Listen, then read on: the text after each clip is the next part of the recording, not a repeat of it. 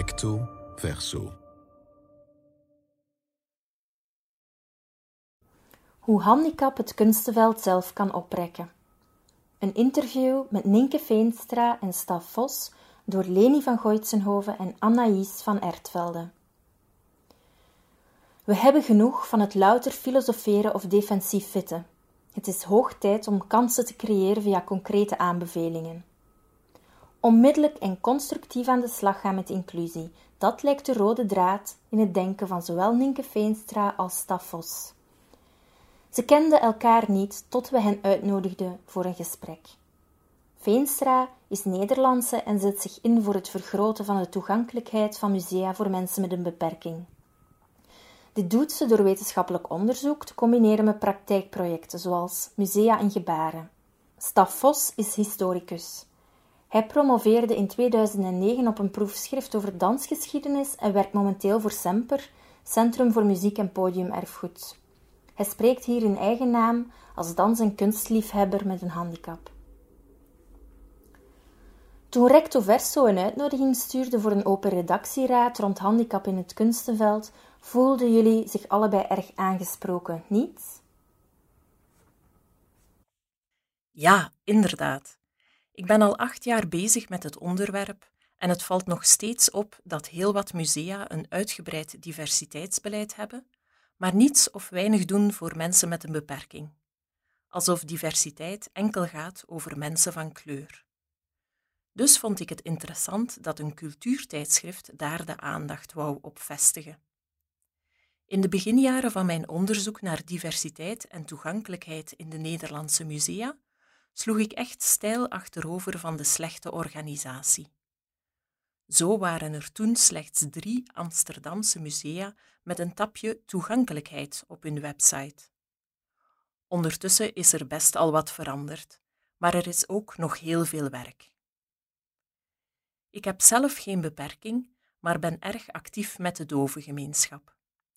Met ons project Musea in Gebaren leiden we de dove museumdocenten op. De laatste jaren ben ik me ook steeds meer gaan richten op hoe musea een toegankelijk beleid kunnen integreren in een meerjarige strategie, zodat toegankelijkheid een structureel onderdeel van het museum wordt. Nu is het nog te vaak een extra programmapunt dat achteraf ergens bijgeplakt wordt. Ik voelde inderdaad een bepaalde urgentie bij het zien van die oproep. Tegelijk was ik ook bezorgd. Ik hoopte dat een themanummer rond handicap en kunst niet enkel zou gaan over kritiek op representatie, maar dat er ook echt naar werkzame alternatieven zou worden gezocht. Ik vond het dus belangrijk dat Recto Verso iets brengt over beleid, dat we constructief nadenken over hoe we toegankelijkheid in de kunst- en cultuursector op de kaart zetten. Niet dat ik, zoals Ninke, professioneel zulke instrumenten ontwikkel, maar ik wil wel een beetje harder roepen om die instrumenten. Zelf heb ik een fysieke handicap en het viel me op dat ik mezelf lange tijd heb ontwikkeld ondanks mijn handicap, zowel persoonlijk als professioneel. Pas toen ik dansgeschiedenis gaf aan de dansopleiding van het Conservatorium in Antwerpen en door Iris Bush, die daar artistiek coördinator was, de dansstudio werd ingetrokken, is aan die houding iets veranderd. Ik begon heel anders te kijken naar mijn handicap. Het werd een kans of een mogelijkheid. Ik heb dans altijd beschouwd als een buitenwereld, iets dat ver van mij stond. Nu leerde ik dat spasticiteit ook dans kan zijn, mooi kan zijn, zelfs virtuoos. Ik volgde meer dansworkshops, aanvankelijk vooral inclusieve workshops, zoals het labo Inclusiedans aan het conservatorium, of een lessenreeks van platform K en Whisper. Ik had dat label inclusief eerst nodig. Gaandeweg voelde ik me sterk genoeg om ook aan reguliere workshops deel te nemen. Dat is trouwens voldoende voor mij. Ik heb zelf geen professionele ambities als danser. Ik merkte wel dat er in het buitenland veel meer gebeurde op het vlak van professionele inclusieve dans. Vanuit het Vlaamse dansveld, dat zichzelf vaak als superieur bestempelt in vergelijking met het buitenland, wordt daar naar mijn aanvoelen al te neerbuigend naar gekeken. Misschien vindt men die praktijken en voorstellingen artistiek niet interessant genoeg. Feit is dat de handschoen van de inclusieve praktijken in Vlaanderen nauwelijks wordt opgenomen. Er zijn initiatieven zoals Platform K en het Labo Inclusiedans, maar die blijven vooralsnog in de marge. Ik zou zelfs durven zeggen dat ze daar systematisch gehouden worden door het beleid. Zolang dat inclusiviteit niet als een kernopdracht voor het kunstenveld wil beschouwen. Toegankelijkheid voor en achter de schermen. Waar ontstond de toegankelijkheidsdiscours eigenlijk? Het denken over toegankelijkheid in het algemeen is ontstaan na de Tweede Wereldoorlog met de revalidatie van gewonde soldaten. Dat denken stond vooral in het teken van productiviteit. Er gebeurden aanpassingen, maar die waren er in eerste instantie op gericht zoveel mogelijk jonge mannen opnieuw te laten meedraaien op de arbeidsmarkt. Die aanpassingen waren ook allemaal gebaseerd op een mannelijk gespierd lichaam. Het boek van Aimi Hamrai, Building Access, Universal Design and the Politics of Disability, 2017, laat heel goed zien hoe toegankelijkheid beïnvloed werd door ideeën over ras en gender. En in feite voeden die ideeën nog steeds de hedendaagse toegankelijkheidsstandaarden. Dankzij het VN-jaar voor personen met een handicap, 1981, begon men in de museumwereld sporadisch naar toegankelijkheid te kijken. De nadruk lag in de vroege jaren 1980 op compensatie. Dat wil zeggen dat men voor een blinde bezoeker het zien probeerde te vervangen door een ander zintuig, zoals tast. Vanaf de jaren 1990 vervalt dat compensatiedenken omdat er meer aandacht komt voor het creëren van een vrijer speelveld binnen het museum. Er worden sowieso meer opties aangeboden om in het verhaal van een tentoonstelling te stappen. Er worden standaard meer verschillende zintuigen bespeeld. Het uitgangspunt is dat iedere bezoeker het museum anders zal kunnen en willen ervaren. Deze aanpak zorgt ervoor dat je niet met een apart parcours voor doven zit en met een apart parcours voor blinden. Nee, je gaat integraal kijken naar wat een bepaalde tentoonstelling wil vertellen en hoe dat kan, zodat iedereen er zich toe kan verhouden. Wat betekent toegankelijkheid vandaag in de cultuursector? Zag je bijvoorbeeld al een evolutie en waar is er echt nog werk aan de winkel? Er is heel langzaam een bewustwording dat toegankelijkheid meer inhoudt dan fysieke aanpassingen. Hoewel de aandacht nog grotendeels naar rolstoelramps en brede deuren gaat. Dat is en blijft belangrijk natuurlijk. Maar ik probeer in mijn workshops duidelijk te maken dat handicap ook een culturele identiteit is en dat toegankelijkheid dus meer is dan zo'n fysieke oplossing. Het gaat over je welkom voelen, over hoe het personeel je bejegent, of je toegang hebt tot de inhoud en het verhaal dat het museum vertelt. Dat noem ik toegankelijkheid voor de schermen. Een bijkomend probleem is dat de meeste museummedewerkers weinig kennis over handicaps en validisme hebben. Er verschijnen nog nauwelijks werken over disability studies of disability activism in het Nederlands taalgebied. Daarom draag ik in mijn workshops altijd theoretische en historische kennis over handicap aan. Maar toegankelijkheid achter de schermen, daar moet nog de grootste evolutie in gebeuren. Met toegankelijkheid achter de schermen bedoel ik de toegankelijkheid van de kunstwereld zelf. Werken er mensen met een beperking achter de schermen? Heeft een museum werk van kunstenaars met een beperking? En maakt het die kunstenaars met een beperking zichtbaar? Heb jij zicht op hoeveel mensen met een handicap bijvoorbeeld te werk gesteld zijn in musea? Nee, daar heb ik geen zicht op en daar zijn bij mijn weten ook geen cijfers van. Met musea in gebaren werken we wel aan opleidingen voor dove gidsen. Die worden dan deel van het gidsenteam in een museum. Het zou natuurlijk ideaal zijn als er naast gidsen ook flink wat programmatoren met een handicap actief zijn. Er bestaan intussen meerdere voorstellen over hoe we naar die situatie kunnen evolueren. Onderzoekster Heather Hollins bijvoorbeeld heeft specifiek voor musea een emancipatorisch model ontworpen. Dat model laat toe om toegankelijkheid steeds omvattender te zien. De eerste stap is fysieke toegankelijkheid. De tweede stap is dat er ook mensen met een handicap meewerken als ervaringsdeskundigen aan het vormgeven van programma's. De derde stap geeft aan hoe je je als organisatie kan richten op toegankelijkheid achter de schermen. Aan die laatste stap zitten we duidelijk nog niet.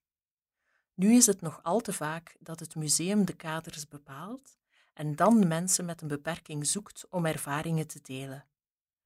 Maar dat zou moeten worden omgebogen. De kaders moeten mee bepaald worden door mensen met een beperking. Het kunstenveld zelf moet opgerekt worden. En Staf, hoe zit dat dan bij podiumkunsten? Hoewel ik geen specialist ben in toegankelijkheidskwesties of cultuurparticipatie, zie ik wel dat er in de podiumkunsten nog heel wat werk is, op alle niveaus. Misschien beginnen we qua rolstoeltoegankelijkheid ergens te geraken. Hoewel, vaak kan iemand in een rolstoel binnen als toeschouwer, maar krijg je die rolstoel nog niet op het podium of in de backstage. Dat geeft symbolisch aan waar de grootste drempels liggen. Vaak is het ook zo dat je met een rolstoel binnen kan, maar enkel via de achteringang. Dat is dan in feite geen inclusie, geen echt gelijkwaardige behandeling. Het lijkt me ook belangrijk om in het aanpakken van die toegankelijkheid voor of achter de schermen structureel contact te houden met mensen met een beperking zelf. Wat is voor hen prioritair in zaken toegankelijkheid? Is die achteringang het eerste wat een kunsteninstelling dient aan te pakken? Of gaat de toegankelijke beleving van de voorstelling zelf voor? Je bedoelt dat de zaken best op een geïntegreerde manier aangepakt worden. Exact. En iets geïntegreerd aanpakken is hier zeer moeilijk door de verkokering van het beleid. Als er rond podiumkunsten beleidsvoorstellen komen, worden die meteen vermalen in de molen van decreten en beleidsdomeinen. Een meer geïntegreerde aanpak, zelfs gewoon thematisch, is bijna nooit mogelijk en dat is heel frustrerend. Nu hangt het vooral af van welke minister of beleidsverantwoordelijke dit wil opnemen. Een afgebakende ingreep, die achteringang voor die rolstoel, goch ja, dat lukt dan nog wel, maar meer structurele zaken blijven achter. Er moet dus dringend fundamenteel nagedacht worden over wat zijn goede instrumenten, op welke manier kan beleid faciliteren, ondersteunen en drempels verlagen. Hoe kunnen we die toegankelijkheid achter de schermen meer onder de aandacht brengen? Dus hoe krijgen we bijvoorbeeld meer mensen met een beperking op het podium? Meer kunst van mensen met een beperking in de collecties? Zouden quota's bijvoorbeeld iets uithalen? Het probleem met quota is dat je dan kunstenaars moet labelen. Wie is er een echte kunstenaar met een beperking en wie niet? Daar zitten niet alle kunstenaars met een beperking op te wachten. Quota zullen ook weerstand oproepen bij de niet beperkte kunstwereld. En er is al zoveel weerstand daar. Idealitaire wil ik net het omgekeerde, dat de kunstenwereld zich niet verplicht ziet om mensen met een handicap te engageren, maar dat ze ervoor staan te springen. Dat ze de spannende kansen en mogelijkheden daarvan inzien, het potentieel. Dat we geloven dat we met meer kunstenaars met een beperking erbij een interessanter kunstenveld krijgen. Ik hoop dat inclusie kan gebeuren vanuit een positieve actie en niet vanuit een verplichting. Al is het wel belangrijk dat de verschillende segmenten uit de kunstenveld ook echt aangespoord worden tot het nemen van risico's op dit vlak. En dat het beleid die risico's ondersteunt en misschien mee ondervangt, veel eer dan ze op te leggen. Weet je waar er volgens mij echt nood aan is? Aan een platform of een centrum. Een aanjager die expertise heeft rond deze thematiek en zichtbaarheid geeft aan kunstenaars met een beperking uit binnen- en buitenland. zoals Disability Arts International in het Verenigd Koninkrijk. Uiteraard kan je dan ook weer tegen die labeling aanlopen. Niet elke artiest heeft zin om zich met zijn beperking te identificeren, maar anderen zullen zo'n platform wel gebruiken om verder te springen. Een aanjager kan ook meer doen, ondersteuning bieden en eventuele angst wegnemen bij huizen die niet weten hoe aan een creatieproces met kunstenaars met een beperking te beginnen. Er is eigenlijk al heel veel theoretische en praktische expertise, onder meer bij Demos, Platform K en bij enkele docenten, makers en dansers met of zonder beperking, maar die geraakt nog niet tot bij het centrum van het kunstenveld. Als we er nu eens in slagen om die expertise te bundelen en op een schoteltje aan te bieden, dan moet het mogelijk zijn om dat kunstenveld te overtuigen van wat voor mogelijkheden er liggen. Als er binnen vijf jaar niets in het veld is veranderd, dan kunnen we misschien aan maatregelen denken, zoals in het Verenigd Koninkrijk, waar er verplichtingen zijn voor programmatoren. Dat is niet de weg die ik verkies, maar het heeft natuurlijk wel voor andere kansengroepen gewerkt, om verandering te forceren waar verandering al veel te lang op zich liet wachten. Aan wie behoort de beperking? Op welke manier speelt de toe-eigeningskwestie in het Belgische en Nederlandse kunstenveld? De toe-eigeningskwestie gaat over het vraagstuk of acteurs en dansers zonder beperking iemand met een beperking mogen of kunnen vertolken. Maar ook over of een kunstenaar zonder beperking aan de slag mag gaan met disability aesthetics. Dat is een vraagstuk dat je kan vergelijken met de kwestie rond blackface. Mogen witte mensen personages van kleuren vertolken door hun gezicht zwart te schilderen? Ik wil de complexiteit van die toe-eigeningskwestie voor mensen met een beperking illustreren met een eigen ervaring. In 2012 zag ik de dansvoorstelling Cœur van Alain Platel en Le Ballet C de l'Abbé. Daarin trokken dansers een onderbroek aan. Dat beeld raakte me heel erg. Voor het eerst dacht ik: dit gaat over mij. Dit is een representatie van spasticiteit. En ik vroeg mezelf plots af: waarom sta ik daar niet? Of een danser met spasticiteit. Ik ben nadien met Alain Platel daarover in gesprek gegaan. Bleek dat die bewegingen voor hem helemaal niet meer over spasticiteit gingen, al waren ze er wel op geïnspireerd. Ze waren geïnspireerd op beelden uit een medische context. En toch maakte het stuk heel wat bij mij los. Toe-eigening is een cruciaal instrument van iedere maker. Elk gebaar, elk materiaal, of het nu uit een klassieke ballettraditie komt of geïnspireerd is op een alledaagse handeling, is materiaal dat de kunstenaar zich toe-eigent. Zo dus ook het trillen van een spast. Ik vind het belangrijk dat die toe-eigening kan worden behouden als artistieke tool, of het nu over beperking of over kleur gaat. Maar tegelijk zijn veel kunstenaars hierover enigszins naïef en willen ze niet te diep over de implicaties nadenken. Als spasticiteit interessant kan zijn om artistiek iets mee te doen, waarom zien we dan zo weinig spastische dansers op de scène? Worden die bewegingen dan plots minder interessant? Een verbod op toe-eigening vind ik niet lonen, maar alle kritiek op toe-eigening wegmoffelen onder het argument van artistieke vrijheid is ook te gemakkelijk. Toe-eigening moet vruchtbaar zijn.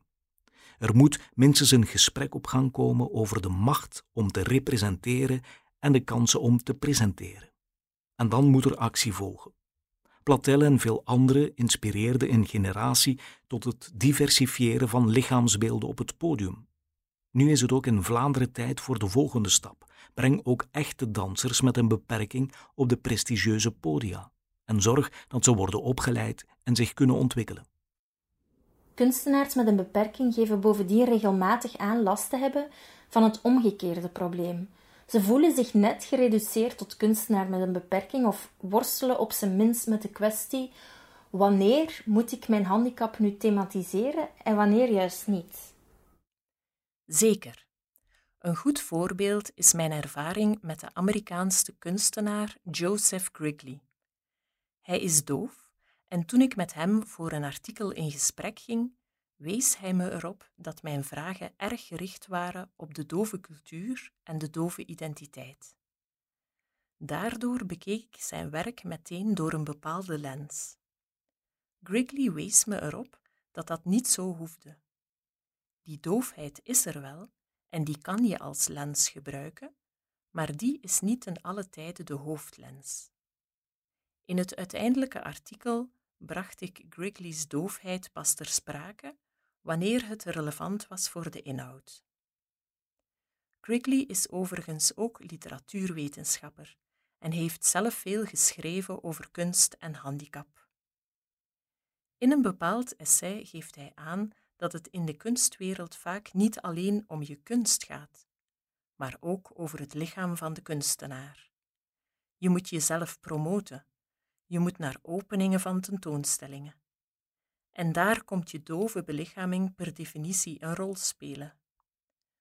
Wanneer er vanuit het museum bijvoorbeeld geen vergoeding gegeven wordt voor een gebarentolk op een receptie, dan is dat een grote belemmering voor dove kunstenaars.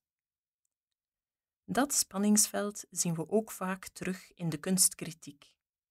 Beschouwende teksten focussen op de biografie van de beperkte kunstenaar, ook wanneer dat niet nodig is voor de interpretatie van het werk. Zeker bij art brut of outsider art is dat vaak het geval. Of je merkt dat een criticus de handicap van een danser of acteur thematiseert in een recensie over een stuk waarin die handicap helemaal niet gethematiseerd wordt. Alsof de recensent er onmogelijk naast kan kijken. Verantwoordelijkheid. Is er ook geen rol weggelegd voor het onderwijs om handicap een betere plek te geven? Jazeker. Vooral het hoger kunstonderwijs moet actief nadenken over het aantrekken van mensen met een handicap in de opleiding. En over waarom dat nu vaak zo moeizaam verloopt. Maar we moeten ook al veel jonger beginnen, in het deeltijds kunstonderwijs, anders krijg je geen doorstroming. Gelukkig zijn er al positieve bewegingen gaande. Zo liggen er evaluatiemethodes klaar die meer kijken naar individuele trajecten in plaats van iedereen dezelfde norm op te leggen. Maar ook al zijn je evaluatiemethoden nog niet klaar en moet er nog wat uitgetest worden, het is belangrijk dat er nu veel meer plekken komen, ook voor jonge kinderen, waar mensen met een handicap terecht kunnen voor vorming en ervaring in de kunsten. Als we het allemaal samen nemen, moet er dus op vele vlakken tegelijkertijd gewerkt worden en gaat het om een gedeelde verantwoordelijkheid. In elk segment gebeuren er ergens wel kleine inspanningen, maar die maken onvoldoende het verschil. Er moet groot genoeg gedacht en gehandeld worden. En er mogen ook nog fouten worden gemaakt, vind ik. Als ik een inclusief dansstuk zie, ben ik ook niet elke keer overtuigd dat dat nu het ultieme stuk is, maar ik ben er wel van overtuigd dat het van voldoende niveau is om in Vlaanderen een platform te geven en om debatten in gang te zetten. Momenteel is het probleem dat alle segmenten op elkaar lijken te wachten en naar elkaar wijzen. De criticus wacht op de huizen en de programmatie de kunstenaar op het hoger kunstonderwijs, dat onderwijs wijst naar het grotendeels gesegregeerde middelbaar onderwijs enzovoort. Zo hoeft niemand echt een grote verantwoordelijkheid op te nemen. Die cirkel moet doorbroken worden. En wat kunnen die verschillende segmenten van het kunstenveld dan doen om de huidige padstelling te doorbreken? Belangrijk, denk ik, is dat er een brede bewustwording komt bij iedereen van wat validisme is en hoe diep het ingesleten zit in ons denken, in de taal, in onze normen en onze institutionele mechanismen.